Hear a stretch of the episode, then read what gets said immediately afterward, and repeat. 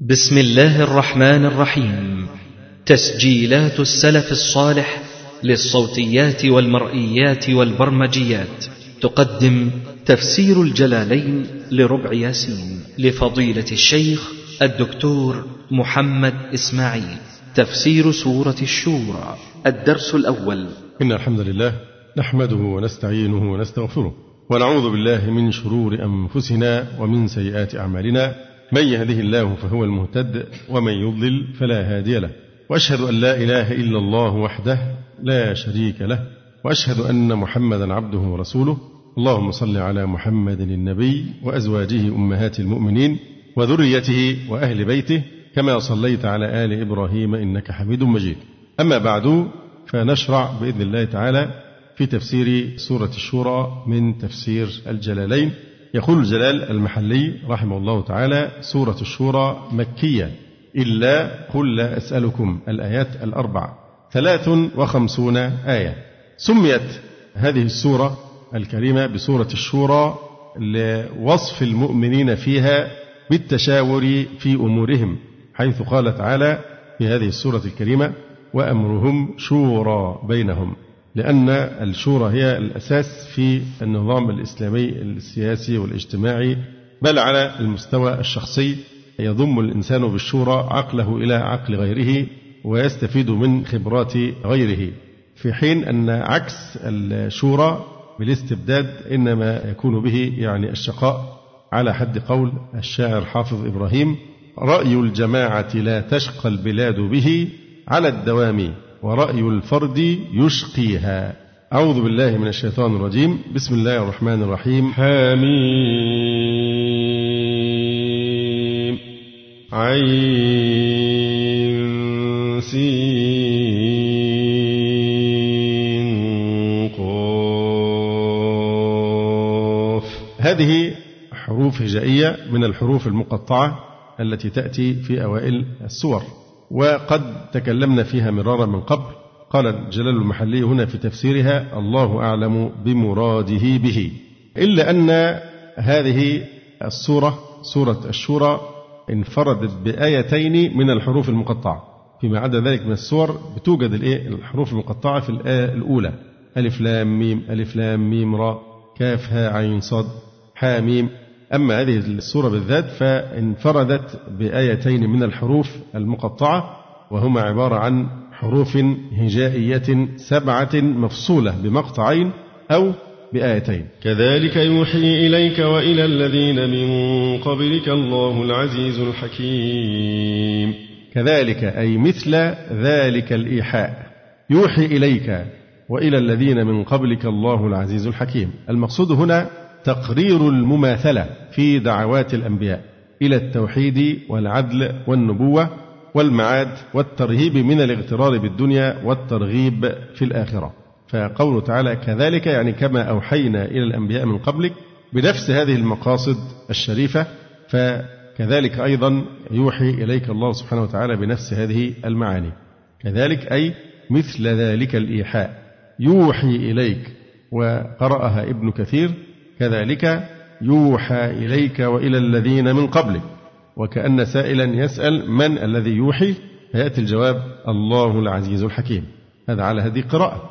كذلك يوحي إليك وإلى يعني وأوحى إلى الذين من قبلك الله عز وجل فاعل الإيحاء العزيز في ملكه الحكيم في صنعه. له ما في السماوات وما في الأرض.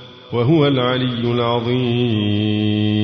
له ما في السماوات وما في الأرض ملكا فهو مالكهم وخلقا فهو خالقهم وعبيدا فهو عز وجل ربهم. وهو العلي العظيم وهو العلي على خلقه سبحانه وتعالى العظيم الكبير. تكاد السماوات يتفطرن من فوقهن. والملائكة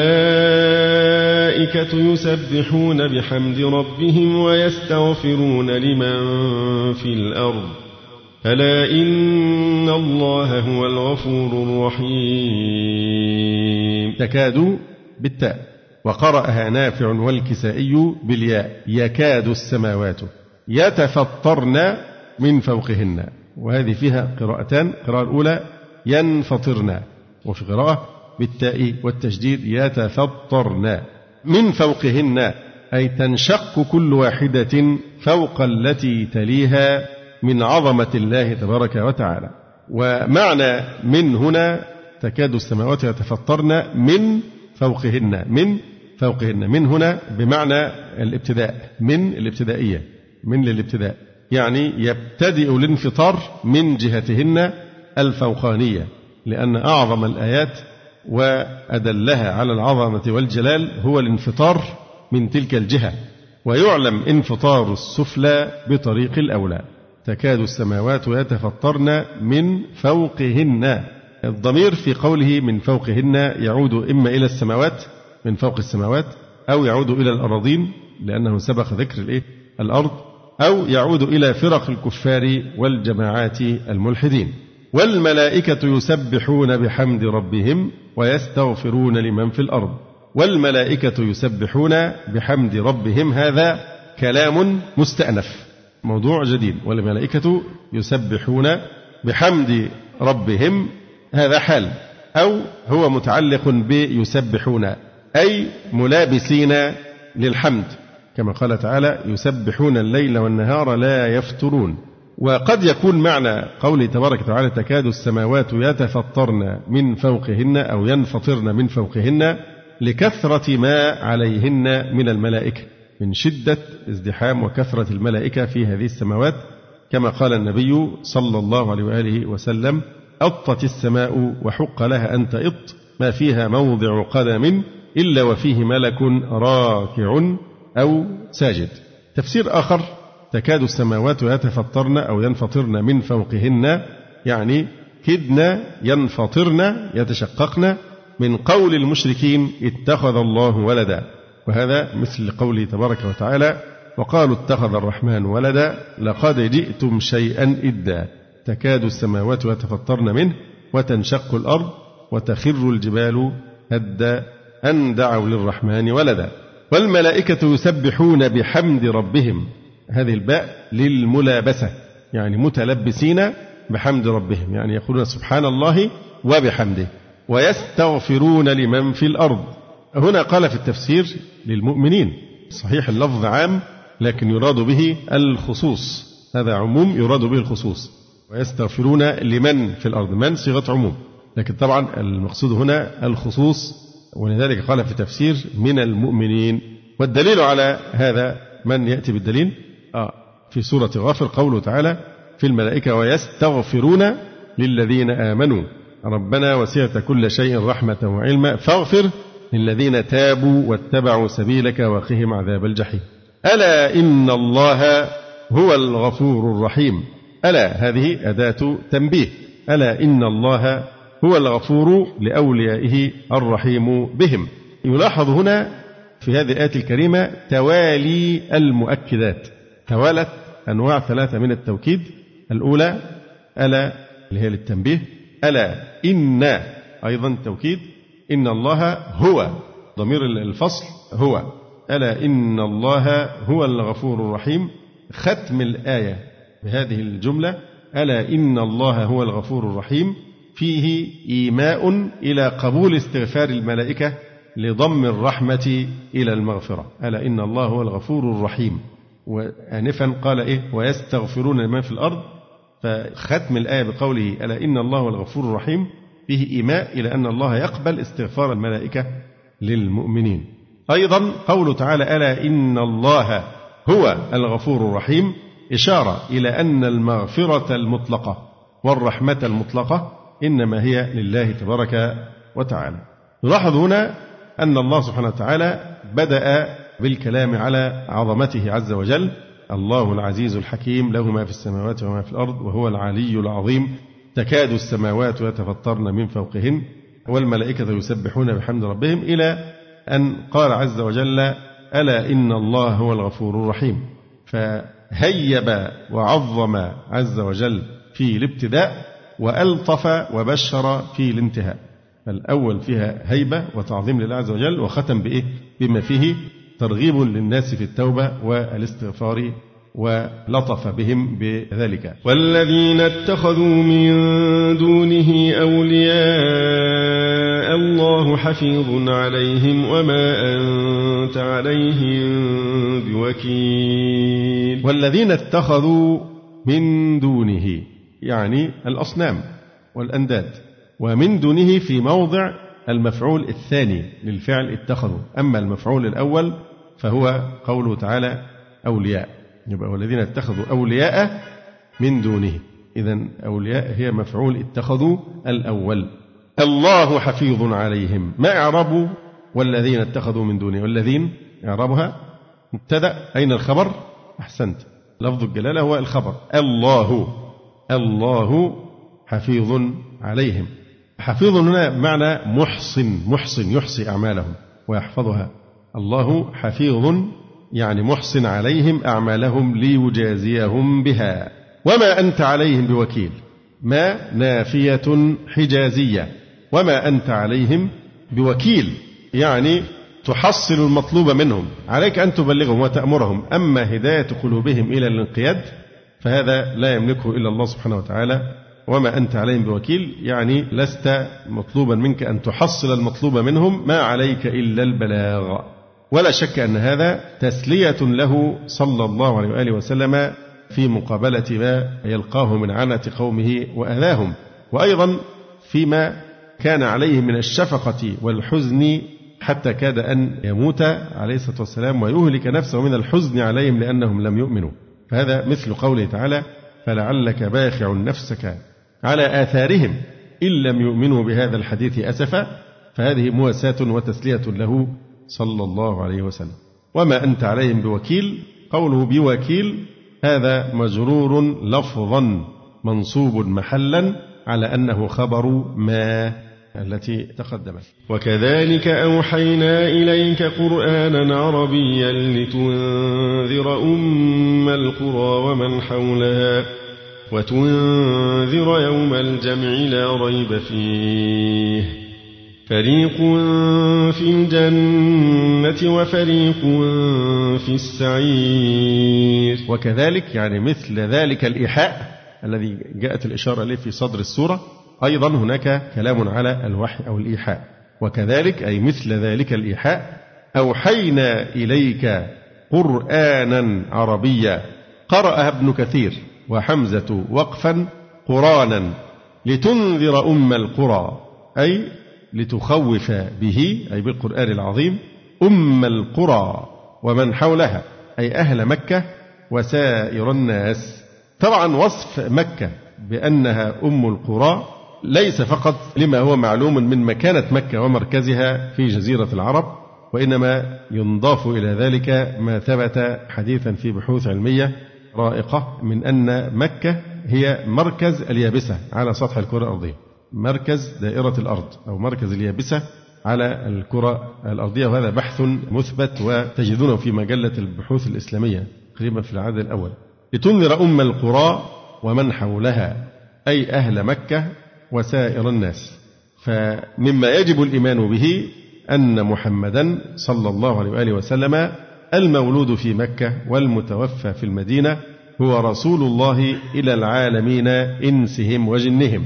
عربا وأعاجم في جميع بقاع الأرض وأنه خاتم الأنبياء والمرسلين صلى الله عليه وسلم وشريعته خاتمة الشرائع السماوية وناسخة لها وباقية إلى يوم القيامة فلا نبي يبعث بعده ومن خالف من الزنادقة في شيء من ذلك كالقديانية الذين يعتقدون نبوة غلام أحمد والبهائية وغيرهم من أهل الهوى فهو كافر لمخالفته صريح النصوص وإجماع الأمة. قوله تعالى لتنذر أم القرى فيه احتباك احتباك وهو أن يحذف من كل نظير ما أثبته في الآخر. لأن الله سبحانه وتعالى قال هنا لتنذر أم القرى ومن حولها. طبعا لتنذر أم القرى يقدر هنا إيه؟ لتنذر أهل أم القرى أي أهل مكة. لتنذر أهل مكة فيقدر هنا أهل أم القرى أي سكانها. طيب لتنذرهم ماذا؟ لتنذرهم العذاب. فهنا كما حذف كلمة أهل حذف المنذر به وهو العذاب. وهذا ما يسمى بالاحتباك. وتنذر يوم الجمع لا ريب فيه. وتنذر أي تنذر الناس يوم الجمع يوم مفعول به ثان لتنذر. وطبعا المفعول الأول محذوف. تقديره كما قلنا الناس. أي وتنذر الناس يوم الجمع أي يوم القيامة يجمع فيه الخلق. فهذا أحد أسماء يوم القيامة يوم الجمع. كما قال تعالى يوم يجمعكم ليوم الجمع. وقال تعالى ذلك يوم مجموع له الناس. فيوم الجمع أحد أسماء يوم القيامة لأنه يجمع فيه الناس. لا ريب فيه يعني لا شك فيه. فريق في الجنة وفريق في السعير. لا ريب فيه يعني لا شك فيه وبعد جمعهم في الموقف يعني أولا يجمعون وبعد جمعهم في الموقف يفرقون فريقين فريق منهم في الجنة وفريق في السعير أي في النار. ولو شاء الله لجعلهم أمة واحدة ولكن يدخل من يشاء في رحمته. والظالمون ما لهم من ولي ولا نصير. ولو شاء الله. الواو هنا استئنافية. ولو شاء الله لجعلهم أمة واحدة أي على دين واحد وهو الإسلام. إذا كلمة أمة هنا بمعنى إيه؟ ملة واحدة ملة. كما قال تعالى وإن هذه أمتكم أمة واحدة وأنا ربكم فاعبدون. أمتكم يعني إيه؟ ملتكم دينكم. دين الأنبياء واحد. وقد أفسد معنى هذه الآية شخص يعني ألف كتابا يدافع فيه عن الرافضة وسبق أن درسناه فبيفهم أن كلمة أمة متى ما ذكرت هي الأمة بمعنى وحدة الأمة يعني.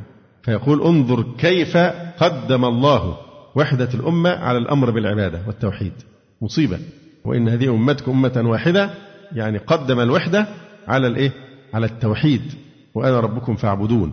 طبعا هذا انحراف في فهم كلام الله تبارك وتعالى لأنه لم يحسن معنى أمة بالعكس لا يقدم شيء على التوحيد لأن القاعدة أن كلمة التوحيد قبل توحيد الكلمة فكلمة التوحيد هي هذه الملة وإن هذه أمتكم أمة واحدة يعني ملتكم أيها الأنبياء ملة واحدة هي الإسلام وأنا ربكم فاعبدوني. تأتي كلمة أمة أيضا بمعنى إيه؟ فترة من الزمان والذكر بعد أمة. ولو شاء الله لجعلهم أمة واحدة أي على دين واحد وهو الإسلام ولكن يدخل لكن هنا حرف استدراك مهمل ولكن يدخل من يشاء في رحمته والظالمون ما لهم من ولي ولا نصير والظالمون أي الكافرون ما لهم من ولي ولا نصير يدفع عنهم العذاب والظالمون هنا مبتدأ. ولكن يدخل من يشاء في رحمته طبعا وهم المؤمنون. والظالمون أي الكافرون ما لهم من ولي ولا نصير فالظالمون مبتدأ. وهو من باب وضع المظهر موضع المدمر.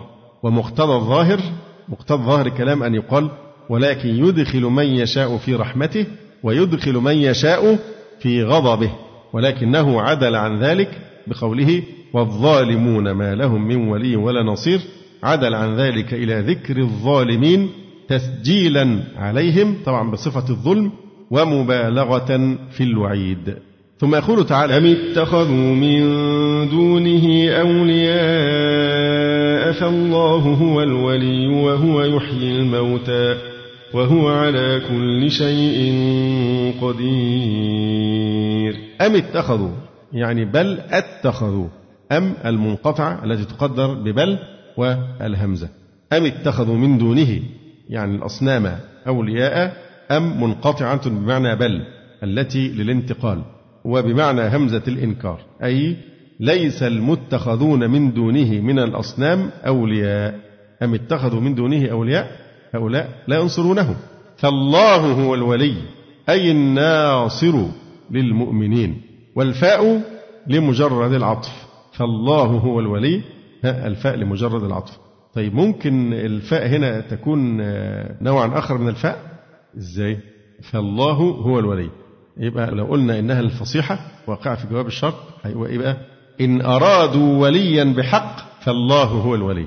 إن أرادوا وليا بحق ينصرهم ويدفع عنهم الضر فالله هو الولي. أي الناصر للمؤمنين. لو لم نقدر هذا الشرط يبقى الفاء لمجرد الإيه؟ العطف. فالله هو الولي وهو يحيي الموتى وهو على كل شيء قدير. هذا كله تقرير لكونه حقيقا عز وجل بالولاية. لماذا الله هو الولي؟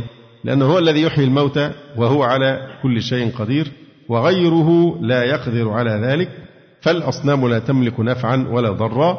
كما قال عز وجل يا أيها الناس ضرب مثل فاستمعوا له إن الذين تدعون من دون الله لن يخلقوا ذبابا ولو اجتمعوا له. وإن يسلبهم الذباب شيئا لا يستنقذوه منه ضعف الطالب والمطلوب.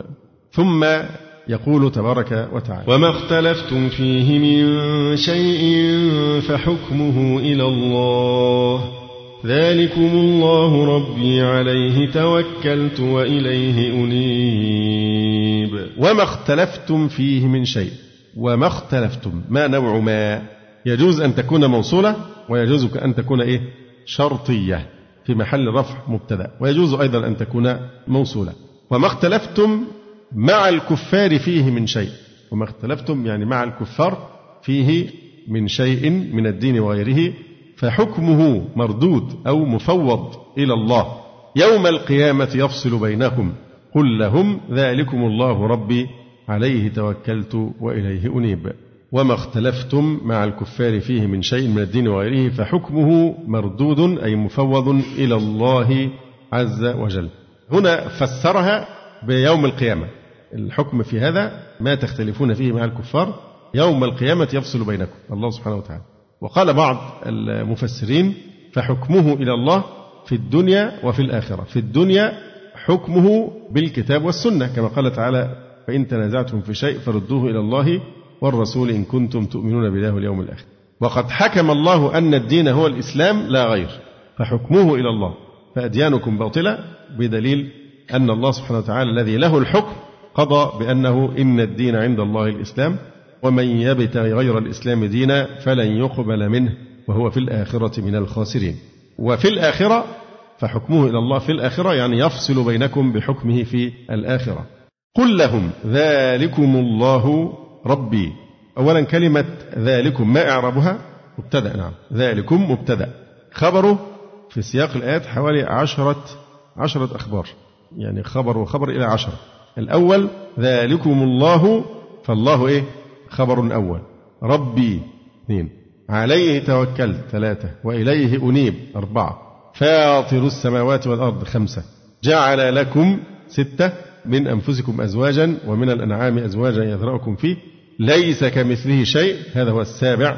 له مخاليد السماوات والأرض. هو الثامن. يبسط الرزق لمن يشاء ويقدر. هذه الإيه؟ التاسع. والعاشر يمكن أن يكون شرع لكم من الدين ما وصى به نوحا أو يكون كلاما مستأنفا فيكون تسعة أخبار فقط. ذلكم الله ربي أي هو الجدير بالعبادة وحده عز وجل. وهاكم الأسباب. ذلكم الله ربي عليه توكلت وإليه أنيب. فاطر السماوات والأرض جعل لكم من أنفسكم إلى آخره. إذا هذا ذكر الأسباب التي تقتضي توحيد الألوهية وألا يعبد إلا الله لأنه لم يخلق ولم يرزق ولم يفعل أفعال الربوبية إلا الله. فإذا هذا هو أحد أساليب الدعوة إلى توحيد الألوهية في القرآن الكريم بأن يقرهم أولا بتوحيد الربوبية ثم يلزمهم على أساسه بتوحيد الألوهية. ألا له الخلق والأمر كما أنه لا يخلق إلا الله كذلك ينبغي ألا يعبد إلا الله سبحانه وتعالى. وإليه أنيب أرجع. فاطر السماوات والأرض جعل لكم من أنفسكم أزواجا ومن الأنعام أزواجا يذرأكم فيه. ليس كمثله شيء وهو السميع البصير. فاطر السماوات والأرض يعني مبدعهما من العدم على غير مثال سابق. فاطر السماوات والأرض جعل لكم من أنفسكم أي من جنسكم أزواجا حيث خلق حواء من ضلع آدم. هذا بالنسبة لآدم. أما بعد ذلك الذرية ثم جعل نسله من سلالة من ماء مهين فالتزاوج يحصل بين الرجال ونساء من جنسهم. يعني الرجل لا يتزوج جنية مثلا ولا يتزوج مخلوقا من نوع آخر وإنما يتزوج من جنس بني الإنسان. لأن هذا أقرب لحصول التناسب والمودة والرحمة. جعل لكم من أنفسكم من جنسكم أزواجا ومن الأنعام أزواجا. يعني وجعل أيضا من الأنعام أزواجا. خلق من الأنعام أزواجا. يعني من جنس الأنعام أزواجا ذكورا وإناثا يذرأكم فيه يذرأكم يعني يخلقكم ويكثركم فيه أي في الجعل المذكور أو في التدبير المذكور أي يكثركم بسببه بالتوالد. والضمير للأناسي والأنعام بالتغليب لأن الآية إيه؟ جعل لكم من أنفسكم أزواجا ومن الأنعام أزواجا. قال يذرأكم فيه. مع أن الضمير بيشمل الأناسي والأنعام لكن طبعا غلب ضمير الأناسي فقال يذرأكم فيه. وذرأ بمعنى خلق. ذرأ الشيء كثره ومنه الذرية. الذرية نسل الثقلين. نسل الجن أو الإنس يطلق عليه الذرية. هل تطلق الذرية أيضا على شيء آخر غير النسل؟ قلناها في سورة ياسين؟ نعم. الذرية تطلق أيضا على الآباء وعلى الأصول. فالذرية تطلق على الإيه؟ الآباء والأصول الأجداد والدليل؟ آه قوله تعالى وآية لهم أن حملنا ذريتهم في الفلك المشحون. طبعا ذريتهم إيه؟ أصولهم أباءهم وأجدادهم. نلاحظ هنا قوله عز وجل ومن الأنعام أزواجا يذرأكم فيه في هذا الجعل. أوثر في النظم الكريم هنا هذا اللفظ يذرأكم فيه على أن يقول يذرأكم به يذرأكم به بالتكاثر. لأنه تعالى جعل هذا التدبير كالمنبع والمعدن للبث والتكثير. ألا تراك تقول للحيوان مثلا في خلق الأزواج تكثير في خلق الأزواج تكثير. كما قال تعالى مثلا ولكم في القصاص حياة. ولم يقل لكم بالقصاص حياة مع أن القصاص يتسبب في بقاء الحياة كما شرحنا من قبل. لكن لما يقول ولكم في القصاص حياة كلمة في معناها إيه؟ كأن القصاص هو عبارة عن منبع ومعدن للحياة ليس كمثله شيء وهو السميع البصير. يقول جلال المحلي الكاف زائدة للتوكيد لأنه تعالى لا مثل له ليس كمثله شيء. في التفسير هنا يقول أن هذه الكاف لابد أن تكون زائدة لأننا لو لم نقل إنها زائدة حصل من ذلك أن لله مثلا وهذا محال على الله سبحانه وتعالى. فلذلك قال ليس كمثله شيء الكاف زائدة طبعا يعني للتوكيد لأنه تعالى لا مثل له. وقال بعض المفسرين ليست الكاف زائدة. يبقى معناها إيه؟ ليس مثله شيء والكاف زائد. هذا القول الظاهر يعني. وبعض المفسرين قالوا ليست الكاف زائدة. وإنما هي على بابها. ومعنى الكلام نفي مثل المثل ليس كمثله. يبقى هي على بابها ومعنى كلام نفي مثل المثل ويلزم من ذلك نفي المثل ضرورة وجوده سبحانه وتعالى. فإن قيل لما توصل إلى نفي المثل بنفي مثل المثل وهل لا نفى المثل لأول وهلة؟ فالجواب أن نفي المثل بنفي مثل المثل أبلغ وأفخم. فقولنا مثلك لا يفعل هذا. أبلغ وأفخم من قولنا أنت لا تفعل هذا. لأنه نفي الشيء بذكر دليله فهو أبلغ من نفي الشيء بغير ذكر دليله. والعرب تقول مثلك لا يفعل كذا يعنون المخاطب نفسه يعني أنت لا تفعل كذا. يبقى ليس كمثله شيء يعني ليس كالله شيء.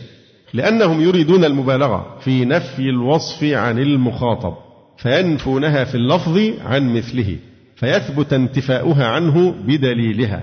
قال ابن قتيبة العرب تقيم المثل مقام النفس. فتقول مثلي لا يقال له هذا. يعني إيه؟ أنا لا يقال لي هذا. مثلا مثلي لا يبخل. يعني أنا. وقد يراد بالمثل الصفة على أساس أن مثل تساوي مثل. فمثل الجنة يعني صفة الجنة. فالمعنى ليس مثل صفته تبارك وتعالى شيء من الصفات التي لغيره وهذا محمل سهل. إذا هذا يذكرنا بقول الله تبارك وتعالى وله المثل الأعلى في السماوات والأرض سبق أن فسرنا المثل الأعلى. طبعا كلمة وله المثل الأعلى لا يعني إثبات المثل مش معناها أن ربنا له مثل. لماذا؟ لأن المراد بالمثل الذي يكون مساويا للشيء في تمام الحقيقة والماهية. أما المثل فهو الذي يكون مساويا للشيء في بعض الصفات الخارجة عن الماهية وإن كان مخالفا في الماهية. فسرنا منذ زمن قوله تعالى وله المثل الأعلى في بحث خصائص وفضائل لا إله إلا الله تكلمنا على أن أحد أسماء كلمة الشهادة المثل الأعلى. قال قتادة في قوله تعالى ولله المثل الأعلى معناه قول لا إله إلا الله ليه؟ لأن المثل هنا بمعنى مش بمعنى المثل بقى لكن بمعنى إيه؟ الصفة كذا قال أهل اللغة ونظيره قول الله عز وجل مثل الجنة التي وعد المتقون يعني صفة الجنة فصار المراد من قوله تعالى ولله المثل الأعلى عين المراد من قوله وكلمة الله هي العليا إذا المثل الأعلى هو الوصف الكامل وله المثل الأعلى. إن الله سبحانه وتعالى يستحق أن يوصف بأكمل الأوصاف وله الوصف الكامل. وأعظم وصف لله تبارك وتعالى هو أنه لا إله إلا هو كما جاء في صدر أعظم آية في القرآن وهي آية الكرسي صدرت بأعظم صفة الله لا إله إلا هو الحي القيوم إلى آخر الآية الكريمة. فإذا هذا هو المثل الأعلى الذي يثبت لله أي الصفة لله الصفة العليا وهي أنه لا إله إلا الله.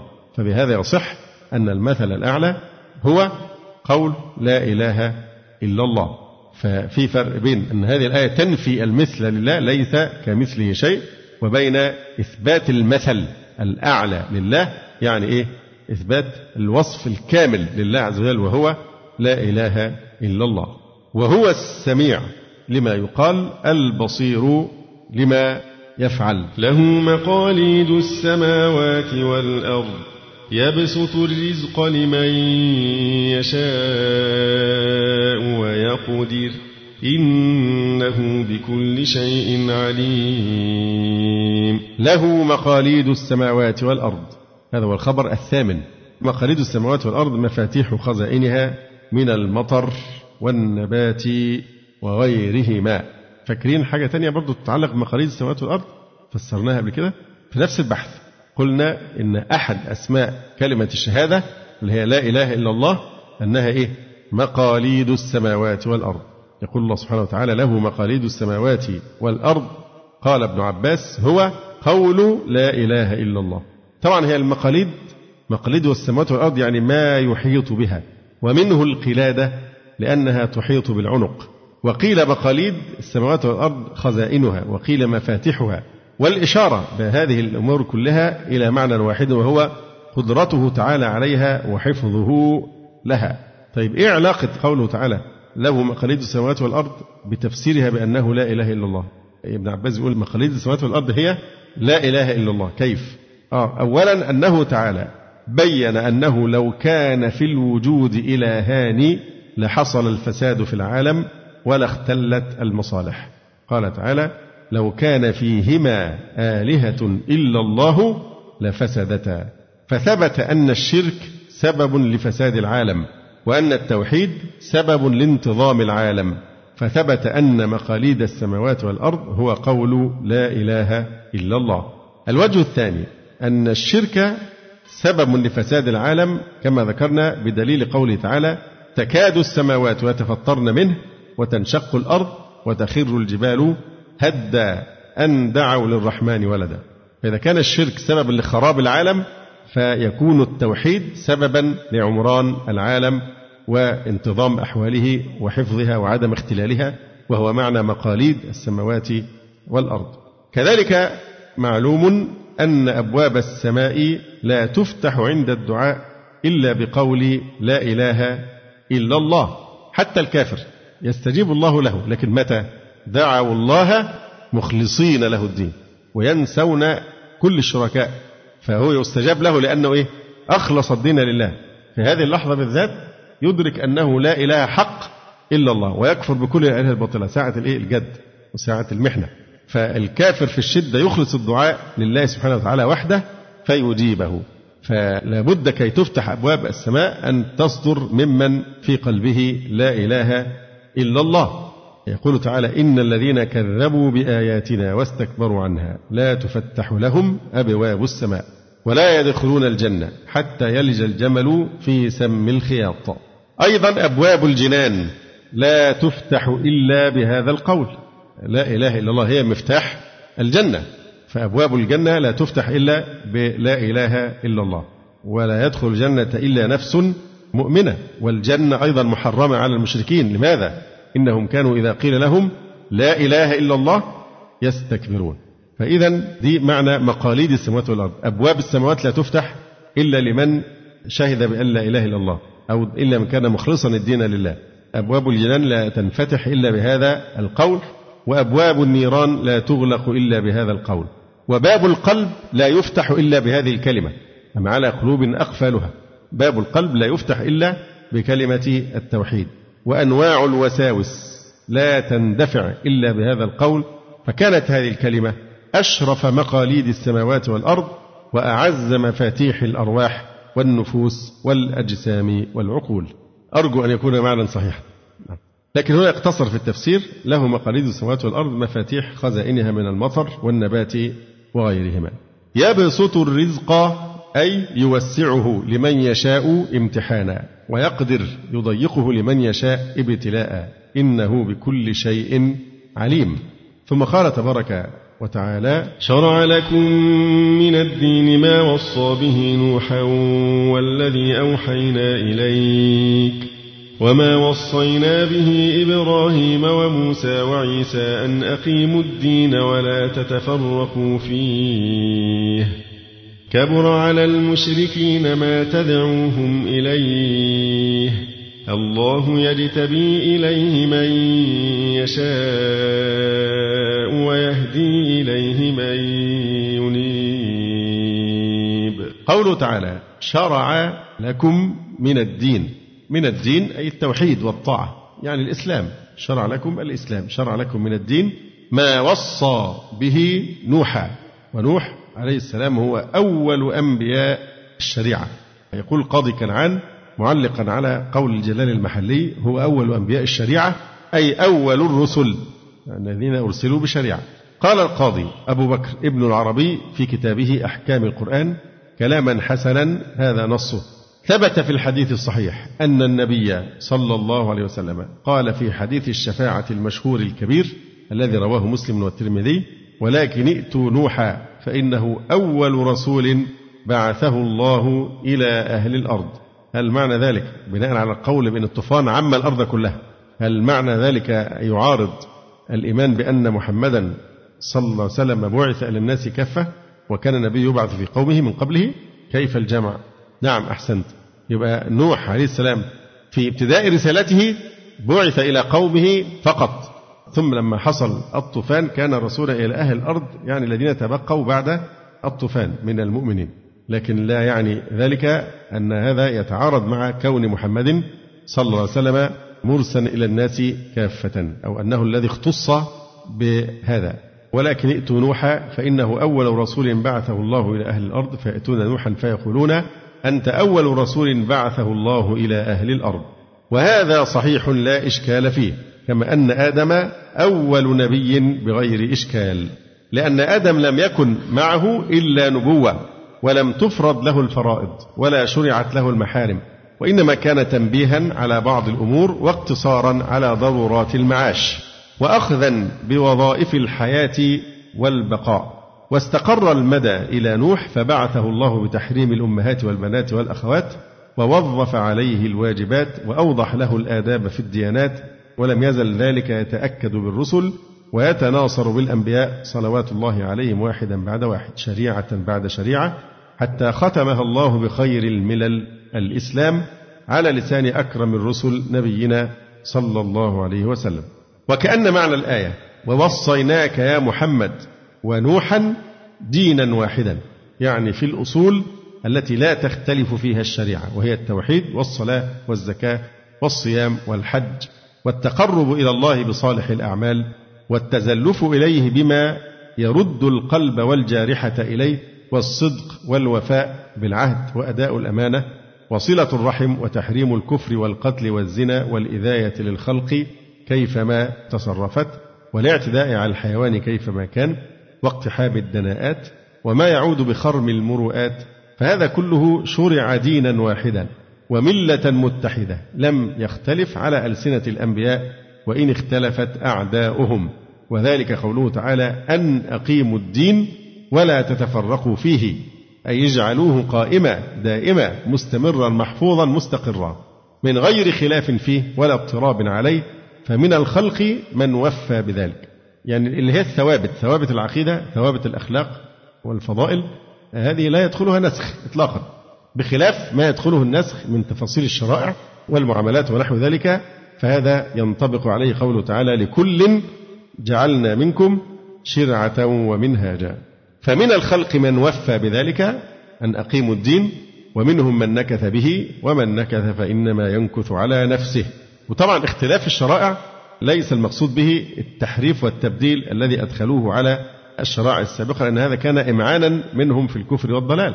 لكن الاختلاف فيما شرعه الله لكنه نسخ من تفاصيل الأحكام العملية التي نسخت. شرع لكم من الدين ما وصى به نوحا. فهذا كله يثبت وحدة الدين. شرع لكم من الدين ولم يقل من الأديان وإنما هو دين واحد هو دين الإسلام. ما وصى به نوحا وهو أول أنبياء الشريعة. والذي أوحينا إليك وما وصينا به إبراهيم وموسى وعيسى. تلاحظون هنا أن الله سبحانه وتعالى سمى ما أوحاه إلى نوح بالوصية وكذلك أيضا إبراهيم وموسى وعيسى. والوحيد في هذا السياق الذي قال فيه الوحي هو كلمة إيه؟ والذي أوحينا إليك. تشريفا للقرآن الكريم وللنبي صلى الله عليه وسلم على الأنبياء والمرسلين بمن فيهم طبعا أفضلهم وهم أولو العزم من الرسل المذكورون في هذه الآية الكريمة. هذا مما اختص به نبينا صلى الله عليه وسلم من التشريف والتكريم وكذلك القرآن الكريم. هذه وصية نوح وصية وسائر الأنبياء وصية وفي الوسط جاء ذكر محمد مختصا عليه الصلاة والسلام بالإيه؟ بالوحي. شرع لكم من الدين ما وصى به نوحا. ثم قال والذي أوحينا إليك. جاب البداية والنهاية من الأنبياء الرسل العزم أولهم نوح وآخرهم محمد عليه الصلاة والسلام. والذي أوحينا إليك. ثم قال وما وصينا به إبراهيم وموسى وعيسى. وتخصيص هؤلاء الأنبياء الخمسة بالذكر لإنافتهم وعلو شأنهم لأنهم أولو العزم من الرسل. أولو العزم يعني لأنهم تحملوا المشاق وصبروا على ما نالهم من إيذاء قومهم بعد أن تصدوا لهدايتهم. وقد جمع بعضهم أولي العزم من الرسل بقوله محمد إبراهيم موسى كليمه فعيسى فنوح هم أولو العزم فاعلمي والأسهل إن إحنا نسمع آية الشورى أو آية إيه؟ الأحزاب. وإذ أخذنا من النبيين ميثاقهم ومنك ومن نوح وإبراهيم وموسى وعيسى بن مريم وأخذنا منهم ميثاقا غليظا. شرع لكم من الدين ما وصى به نوحا والذي أوحينا إليك وما وصينا به إبراهيم وموسى وعيسى أن أقيموا الدين ولا تتفرقوا فيه. ما نوع أن هنا؟ أن أقيموا الدين تفسيرية. أن هنا تفسيرية بمعنى إيه؟ أي أي. لأنها هي سبقت بما فيه معنى القول دون حروفه. وهو لفظة إيه؟ وصى. وصى فيها معنى القول لكن ليست فيها حروف كلمة القول. فلذلك جاءت هذه التفسيرية لأنها سبقت بلفظ فيه معنى القول وإن لم يكن فيه حروف كلمة القول. أن أقيموا الدين ولا تتفرقوا فيه هذا هو المشروع. شرع لكم هذا هو المشروع. أن أقيموا الدين ولا تتفرقوا فيه هذا هو المشروع الموصى به والموحى إلى محمد صلى الله عليه وسلم وهو التوحيد. كبر على المشركين يعني عظم وشق على المشركين ما تدعوهم إليه من التوحيد. الله يجتبي إليه من يشاء ويهدي إليه من ينيب. الاجتباء الله يجتبي إليه يعني يختار إلى التوحيد أو يجتلب إليه. الاجتباء افتعال من الجباية. الجباية معناها الجمع. يقال جبيت الماء في الحوض أي جمعته. ومنه قوله تعالى يجبى إليه ثمرات كل شيء. يعني إيه؟ يجمع ويجتلب. والاجتباء هو الجمع على طريق الاصطفاء. مش مجرد جمع لكن جمع إيه؟ فيه اصطفاء. قال تعالى قالوا لولا اجتبيتها واجتباء الله العبد تخصيصه إياه بفيض إلهي لتحصل له أنواع النعم بلا سعي منه. إذا قوله عز وجل هنا الله يجتبي إليه من يشاء. يجتبي فيها معنى كمان الإيه؟ الاصطفاء. وربك يخلق ما يشاء ويختار. ففيها معنى الاصطفاء ولفظة يجتبي هنا فيها إشارة إلى نعمة الهداية إلى الإسلام. إن هذا اصطفاء وأن الله سبحانه وتعالى يريد بهذا الإنسان خيرا إذ هداه عز وجل إلى الإسلام. الله يجتبي أن يختار ويصطفي إلى التوحيد من يشاء. ويهدي إليه من ينيب أن يقبل على طاعته. وما تفرقوا إلا من بعد ما جاءهم العلم بغيا بينهم. ولولا كلمة سبقت من ربك إلى أجل مسمى لقضي بينهم. وإن الذين أورثوا الكتاب من بعدهم لفي شك منه مريب وما تفرقوا يعني أهل الأديان المبتدعة. وما تفرقوا أي أهل الأديان المبتدعة في الدين الذي أنزله الله تعالى وهو دين الإسلام بأن وحد بعض وكفر بعض إلا من بعد ما جاءهم العلم إلا أداة حصر إلا من بعد ما جاءهم العلم ما نوع ما مصدرية إلا من بعد ما جاءهم العلم طبعا ما هنا مصدرية. إلا من بعد ما جاءهم العلم بالتوحيد على لسان الرسل بغيا أي ظلما وعدوانا من الكافرين بينهم أي من بعضهم على بعض طلبا للرياسة وحبا بالدنيا ما إعراب بغيا؟ نعم مفعول لأجله. والمقصود من هذا وما تفرقوا إلا من بعد ما جاءهم العلم بغيا بينهم.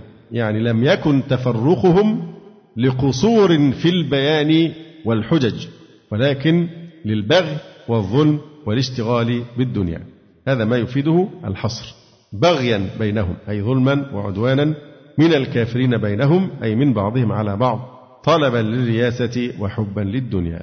ولولا كلمة سبقت من ربك يعني بتأخير الجزاء اللي هو الإمهال. ولولا كلمة سبقت من ربك بتأخير الجزاء إلى أجل مسمى وهو يوم القيامة لقضي بينهم. يعني لقضي بين من آمن ومن كفر بتعذيب الكافرين في الدنيا. لكن سبق القضاء بأن هذا يكون في الآخرة. وإن الذين أورثوا الكتاب من بعدهم أي التوراة والإنجيل من بعدهم أي من بعد أولئك المختلفين في الحق وهم اليهود والنصارى. لفي شك منه أي من الدين الذي أوصى به الأنبياء أو من محمد صلى الله عليه وسلم أو من الإسلام. لفي شك منه مريب أي موقع في الريبة. فلذلك فادع واستقم كما أمرت ولا تتبع أهواءهم. وقل آمنت بما أنزل الله من كتاب وأمرت لأعدل بينكم الله ربنا وربكم لنا أعمالنا ولكم أعمالكم ۖ لنا أعمالنا ولكم أعمالكم لا حجة بيننا وبينكم الله يجمع بيننا وإليه المصير. فلذلك فدع ما نوع الفاء؟ الفصيحة. يبقى لازم الفصيحة يبقى فيه بقى إيه؟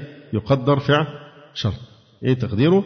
إن عرفت هذا كله وأدركت نواجم التفرق فادع إلى الاتفاق على الملة الحنيفية. إذا عرفت ذلك كله وعرفت أدركت ما ينجم وعواقب التفرق فلذلك فادعوا فلذلك فادع. يعني ادعو إلى الاتفاق على الملة الحنيفية. التي اجتمع عليها الأنبياء عليهم الصلاة والسلام. فلذلك فادع فلذلك. طبعا الفاء في قوله فلذلك هي الفصيحة كما ذكرنا. فلذلك. اللام هنا بمعنى إلى. فادعوا يعني إيه؟ فإلى ذلك فادع مثل قوله تعالى يومئذ تحدث أخبارها بأن ربك أوحى لها. يعني أوحى إليها. فاللام بمعنى إلى. فلذلك أي فإلى ذلك. أو اللام للتعليل. يبقى اللام إما أنها بمعنى إلى كما في قوله تعالى بأن ربك أوحى لها أي أوحى إليها. أو هي للتعليل بمعنى لأجل تلك الاختلافات في الدين ادعوا إلى الاتفاق على الملة الحنيفية. فلذلك يعني فلأجل ذلك لأجل الاختلافات التي حصلت بين أهل الكتاب من قبل وتفرق في الدين فلذلك فادعوا ادعوا إلى إيه؟ الاتفاق على الملة الحنيفية. فلذلك فادعوا واستقم. هذه الآية نلاحظ أن من أولها لآخرها في بين الجمل علامة إيه؟ صلي. الوصل أولى. كلها على بعضها. عشان كده اللي بيقراها المفروض بياخد نفس جامد قبل ما يقولها عشان يقدر يجيبها كلها متصلة. فلذلك فادعوا واستقم كما أمرت إلى آخره. لأن هذه الآية اشتملت على عشرة أوامر ونواهي. كل منها مستقل بذاته ولا نظير لها سوى آية الكرسي فإنها أيضا عشرة موضوعات والأمر والنهي فيها وإن وجه إلى النبي صلى الله عليه وآله وسلم فهي له ولأمته لأن أمر القدوة أمر لأتباعه صلى الله عليه وآله وسلم. فلذلك فادع يا محمد الناس واستقم أي عليه كما أمرت ولا تتبع أهواءهم في تركه. وقل آمنت بما أنزل الله من كتاب من كتاب حال وأمرت لأعدل بينكم وأمرت لأعدل أي بأن أعدل بينكم بمعنى أن اللام هنا طبعا ده كلام الجلال المحلي الجلال المحلي قال وأمرت لأعدل بينكم فسرها قال إيه وأمرت بأن أعدل بينكم. والأقرب أن اللام هنا لام الصيرورة أو لام العاقبة بمعنى أن الأمر مفض إلى العدل بينكم. يصير ويفضي إلى إقامة العدل بينكم. وأمرت لأعدل بينكم هذه لام الصيرورة. يعني أن الأمر مفض إلى العدل بينكم. فقول الجلال اللام هنا بمعنى الباء وأن المصدرية مقدرة يعني المصدرية اللي هي كلمة إيه؟ أن مقدرة هذا فيه نظر لأن اللام لا ترد بمعنى الباء ولم يذكر أحد من النحاة أن أن المصدرية تضمر بعد الباء وإنما المراد أن الأمر مفض إلى العدل بينكم ولذلك قلنا إنها لام الصيرورة وأمرت لأعدل بينكم في الحكم. الله ربنا وربكم لنا أعمالنا ولكم أعمالكم فكل يجازى بعمله كما قال تعالى قل لا تسألون عما أجرمنا ولا نسأل عما تعملون. انظر إلى الرقي في الأسلوب حتى في مخاطبة الخصم حتى ولو كان كافرا. قل لا تسألون عما أجرمنا ولا نسأل عما ما قالش تجرمون وإنما قال عما تعملون. وما تعملون يشمل طبعا جرائمهم لكن هذا من التلطف في مناقشة الخصم اجتلابا لقلبه ولتجنب تنفيره. كما قال تبارك وتعالى وإنا أو إياكم لعلى هدى أو في ضلال مبين. هو ما خالف الحق لكن هذا تلطف في العبارة وتنزل تليينا لقلبه. وقال تعالى أيضا وإن كذبوك فقل لي عملي ولكم عملكم أنتم بريئون مما أعمل وأنا بريء مما تعملون. إذا مش معنى لنا أعمالنا ولكم أعمالكم إن كل واحد حر. لا هذا تماما مثل قوله تبارك وتعالى فمن شاء فليؤمن ومن شاء فليكفر. أو مثل قوله تعالى لكم دينكم ولي دين. ليس المعنى لكم دينكم ولي دين كما يحصل من كثير من الناس يستدلون بالآية. كل واحد يختار يعني دي مسألة حرية وكل واحد يختار وما فيش مشكلة. اكفر أو غيره. هو فعلا في حرية في حرية اختيار ولكن إيه؟ في حساب بعدها. عشان كده فمن شاء فليؤمن ومن شاء فليكفر. إنا أعتدنا للظالمين نارا أحاط بهم سرادقها لأن في مسؤولية. فكذلك لنا أعمالنا ولكم أعمالكم ها وإن كذبوك فقل لي عملي. ولكم عملكم إشارة إلى المسؤولية الفردية. كل امرئ بما كسب رهين وكل إنسان ألزمناه طائره في عنقه. ولا تزر وازرة وزر أخرى. وإن كذبوك فقل لي عملي. ولكم عملكم أنتم بريئون مما أعمل وأنا بريء مما تعملون. الله ربنا وربكم لنا أعمالنا ولكم أعمالكم. فكل يجازى بعمله. لا حجة بيننا وبينكم. المقصود هنا لا حجة يعني لا خصومة بيننا وبينكم لأن الباطل لجلج والحق أبلج.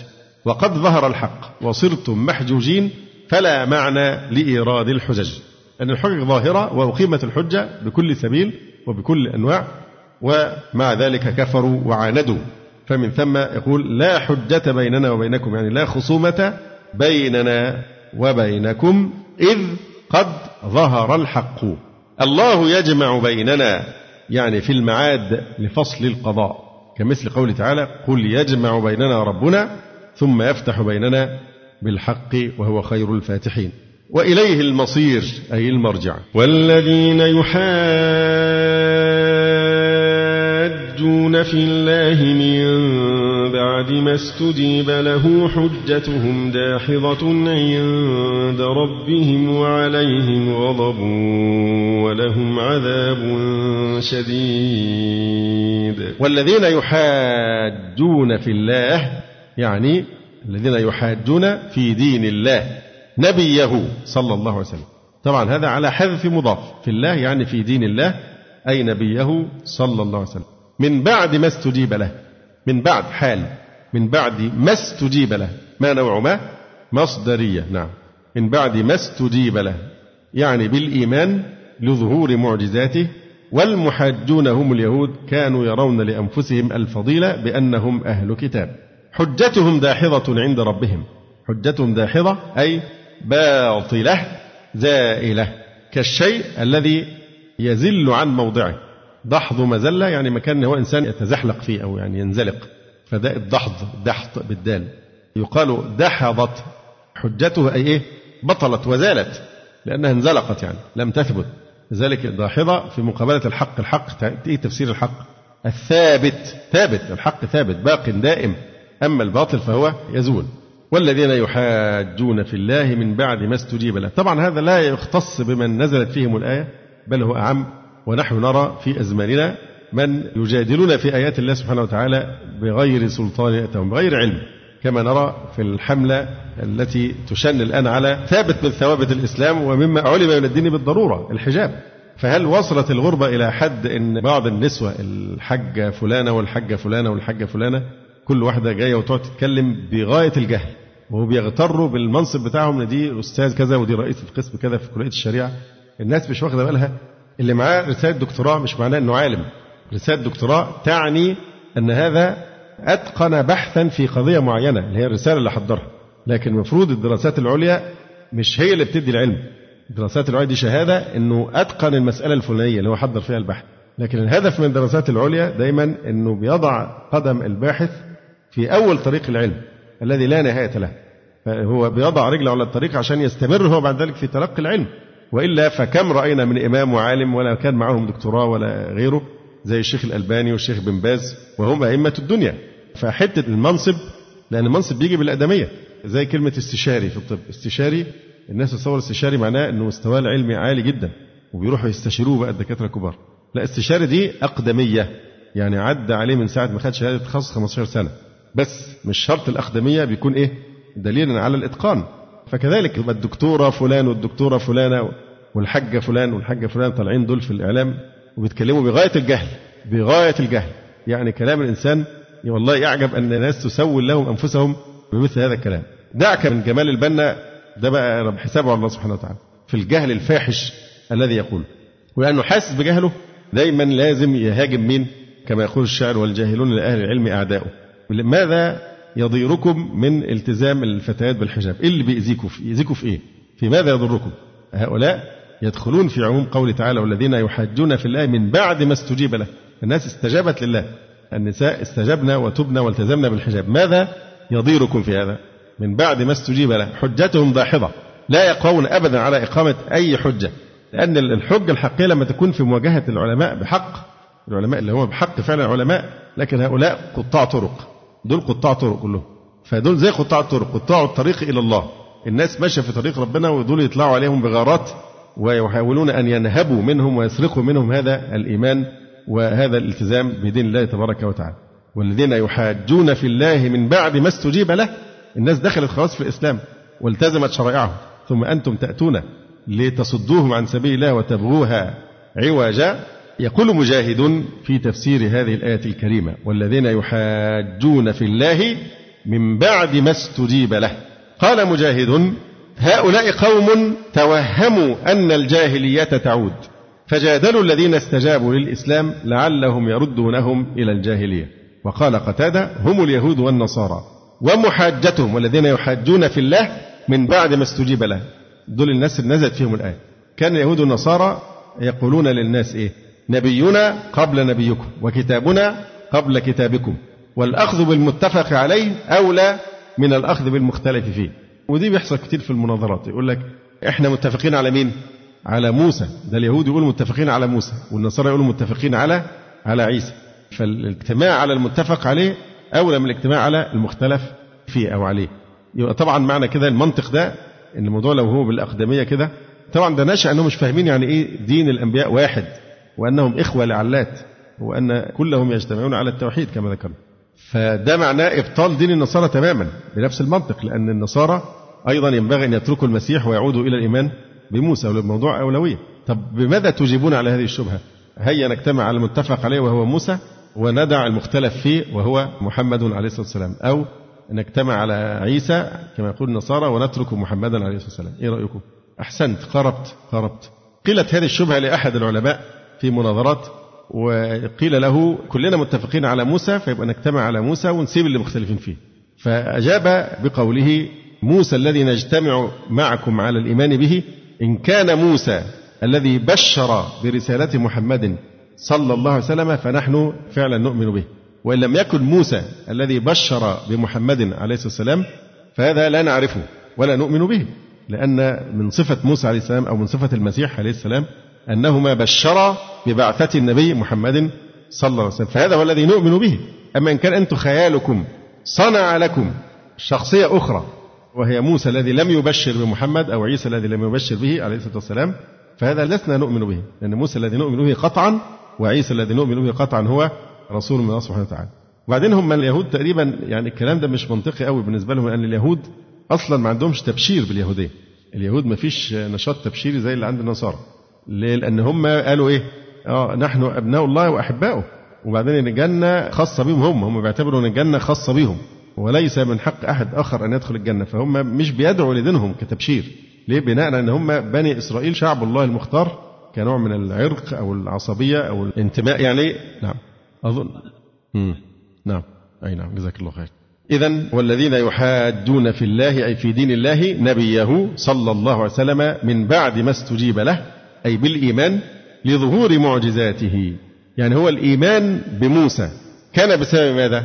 بسبب ظهور معجزاته التي تدل على صدقه. وكذلك المسيح عليه السلام. فالإيمان به بني على شهادة الله بصدقه حيث أجرى المعجزات على يديه دلالة على صدقه فيما يأمرهم به. وكذلك أيضا عيسى. وكذلك محمد صلى الله عليه وسلم يجب الإيمان به لظهور معجزاته على كل معجزة بل هو أكثر الأنبياء أدلة ومعجزات عليه وعلى سائر النبيين الصلاة والسلام. حجتهم داحضة أي زائلة باطلة كالشيء الذي يزل عن موضعه. يقال دحضت حجته أي بطلت. طب هي باطلة ويسمى حجة؟ هذه نوع من المجاراة سميت دعاويهم الزائفة حجة مجاراة لهم على زعمهم. حجتهم داحضة عند ربهم وعليهم غضب ولهم عذاب شديد. الله الذي أنزل الكتاب بالحق والميزان وما يدريك لعل الساعة قريب. الله الذي نزل الكتاب. إيه الكتاب؟ إما أنه القرآن الكريم أو جنس الكتاب يعني الكتب السماوية. الله الذي أنزل الكتاب أي القرآن أو جنس الكتاب بالحق متعلق بأنزل. الباء هنا إيه؟ للملابسة. متلبسا بالحق.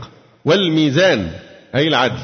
فسمي العدل ميزانا لأن الميزان آلة الإنصاف والتسوية بين الناس في بيعهم وشرائهم. كما قال تعالى وأنزلنا معهم الكتاب والميزان ليقوم الناس بالقسط. وما يدريك لعل الساعة قريب. وما يدريك وما يعلمك. لعل الساعة قريب يعني لعل مجيء الساعة قريب.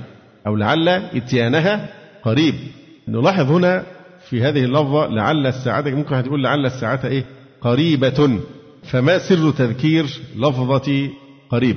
إن لفظة قريب هي مما يستوي فيه المذكر والمؤنث مثل صيغة إيه؟ فعول وفعيل. تقول رجل صبور وامرأة صبور يعني صابرة. لكن صيغة فعول يستوي فيها الذكر والمؤنث صيغة فعول. كذلك فعيل بمعنى مفعول. مثلا رجل جريح. وامرأة جريح يعني جريحة. وامرأة مجروحة يعني. لكن بنقول إيه؟ وامرأة جريح. فهذا مما يستوي فيه المذكر والمؤنث. وقيل إنه ذكره على النسب. يعني وما يدرك لعل الساعة قريب يعني لعل الساعة ذات قرب. أو لعل الساعة لعل وقت الساعة قريب. أو حملا على المعنى. الساعة معناها إيه؟ البعث والنشور. فحمل الخبر على المعنى. لعل الساعة أي البعث قريب. عشان كده ذكر. فالحمل على المعنى مثل قوله تعالى إن رحمة الله قريب من المحسنين. أولا لأنها فعيل وفعيل قلنا يستوي فيه المذكر والإيه؟ والمؤنث. يؤيده قوله تعالى قال هذا رحمة من ربي. ما قالش هذه رحمة من ربي لكن قال إيه؟ هذا رحمة من ربي. النظر هنا إلى حمل الخبر على المعنى. أو إن رحمة الله إن رحم الله يعني قريب. ولعل معلق للفعل يدريك عن العمل لفظا لا محلا وما بعده سد مسد المفعولين. إذا لعل الساعة قريب هي مفعول ثان لإيه؟ لأدري وما يدرك لأنها علقت عن العمل بالترجي. يستعجل بها الذين لا يؤمنون بها والذين آمنوا مشفقون منها ويعلمون أنها الحق. ألا إن الذين يمارون في الساعة لفي ضلال بعيد. يستعجل بها الذين لا يؤمنون بها. يقولون متى؟ تأتي ظنا منهم أنها غير آتية. ظنا منهم أنها غير آتية. يستعجل بها الذين لا يؤمنون بها. والذين آمنوا مشفقون منها ويعلمون أنها الحق. طيب في إيه هنا بقى في البلاغة هنا؟ يستعجل بها الذين لا يؤمنون بها والذين آمنوا. في طباق السلب. آمنوا ولا يؤمنون. يستعجل بها الذين لا يؤمنون بها والذين آمنوا. فده طباق السلب. نفس اللفظة لكن هنا مثبتة وهنا منفية. والذين آمنوا مشفقون منها خائفون منها. لكن الإشفاق انتبه هنا لهذه الفائدة أن الإشفاق بيدخل فيه معنيين. الإشفاق في نوع من العناية والاهتمام وفي الإشفاق بمعنى الخوف. فكلمة إشفاق تشتمل الاثنين. تدل على كليهما على كلاهما اللي هو العناية والاهتمام وأيضا الإيه؟ الخوف. ولكن حسب الحرف اللي يعد به الفعل. فالفعل أشفق. إذا عدي بمن فالخوف أظهر. لكن أيضا يشتمل على معنى الإيه؟ الرعاية والاهتمام. كما يقول هنا إيه؟ والذين آمنوا مشفقون منها. مشفقون منها يعني خائفون منها. فالظاهر أو الغالب هو الإشفاق لكن أيضا يدخل في معناها الإيه؟ العناية والاهتمام بها. يقول تعالى والذين يؤتون ما آتوا وقلوبهم وجلة أنهم إلى ربهم راجعون. لكن فعل أشفق إذا عدي بعلى فبتكون العناية أظهر وأتم. ويدخل أيضا في المعنى إيه؟ الخوف لكن بيبقى الأغلب إيه؟ معنى العناية. كما تقول أشفقت على اليتيم يعني عناية واهتمام به وإن كان داخل فيه معنى الخوف لكن العناية أظهر. بخلاف التعدية بمن أشفقت من يعني خفت. تكون أظهر الخوف أظهر. واضح ولا غير واضح؟ والذين آمنوا مشفقون منها قال خائفون منها ويعلمون أنها الحق. الحق أي الأمر المحقق الكائن حتما. ألا إن الذين يمارون يجادلون في الساعة لفي ضلال بعيد عن الحق. ما السر في وصف الذين يجادلون في الساعة بأنهم في ضلال بعيد؟ لأن البعث أشبه الغيبيات إلى المحسوس. البعث والنشور أشبه الأمور الغيبية إلى المحسوس. يعني الجنة ما نقدرش نتخيل إيه اللي فيها. فيها ما لا عين رأت. ولا أذن سمعت ولا خطر على قلب بشر. الملائكة لا نستطيع أن نتخيل كيف يكون شكلها وهكذا. ولكن فكرة البعث والنشور أقرب غيب إلى الأمور المحسوسة؟ لكثرة أدلة البعث والنشور التي نراها صباح مساء. في كل شيء ترى آيات البعث والنشور. يعني عملية النوم نفسها. الإنسان لما بينام وهي الموتة الصغرى. ألا تدل على البعث الأكبر يوم القيامة؟ ولذلك كان عليه الصلاة والسلام إذا استيقظ من النوم قال الحمد لله الذي أحيانا بعد ما أماتنا دي في أذكار الصباح والمساء. في الصباح يقول وإليه النشور وفي المساء بيقول إليه المصير. إليه النشور في الصباح ترتبط بالاستيقاظ من النوم. فعملية الاعتقاد في البعث والنشور هي غيب لكن أقرب الغيبيات إلى الأمور المحسوسة لأننا نراها. حتى الحياة داخل القبر يعني نفس الشيء لأن غيب لكن عندنا ما يؤيد وجود العذاب أو النعيم في القبر. لأنك بترى جثة الإنسان النائم جسم الدائم بيبقى نائم. وهو نائم ممكن أن يفرح. ويحزن ويلتذ ويتألم ويسر ويتحرك ويطير إلى آخره. ده هو نائم. واضح؟ بيجد هذه المشاعر. وأنت لا تحس بها. ده يقرب لنا أن الميت يبقى ميت لكن أيضا يعني إما يكون في نعيم أو في عذاب. أما أدلة البعث والنشور فهو بحث طويل جدا وسبق أن ناقشناه بالتفصيل وأدلته يعني كثيرة وكما قلنا أقرب غيب إلى المحسوسات. لماذا؟ لأن الذي قدر على خلق السماوات والأرض عز وجل ألا يقدر على خلق الإنسان؟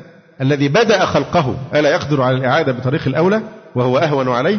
طبعا ناقشنا مرارا وقلنا إن أهون عليه مش معناه إن في شيء فعلا أسهل على ربنا من شيء لأن كل شيء في حق الله سبحانه وتعالى سواء في قدرته عليه. ده بالنسبة لنا إحنا يكون أهون عليه بالنسبة لنا إحنا تقريبا لأذهاننا لكن خلق السماوات والأرض مثل خلق النملة من حيث قدرة الله عليه مفيش تفاوت. مش معناها دي سهل على ربنا والتانية معاذ الله أشق.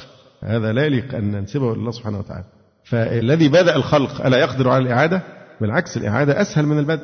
الذي خلق السماوات والأرض خلق السماوات والأرض أكبر من خلق الناس. ألا يقدر على خلق الإنسان من جديد؟ بلى. ثم إننا رأينا في واقع الأمر أناسا ممن ماتوا وأحياهم الله عز وجل. ألم تر إلى الذين إيه؟ خرجوا من ديارهم وهم ألوف حذر الموت. فقال الله لهم موتوا ثم أحياهم. هذه واقعة حصلت. إيه تاني؟ أو كالذي مر على قرية وهي خاوية على عروشها قال أن يحيي هذه الله بعد موتها فأماته الله مئة عام ثم بعث قصة الفتية أصحاب الكهف. هذا أيضا دليل على البعث والنشور.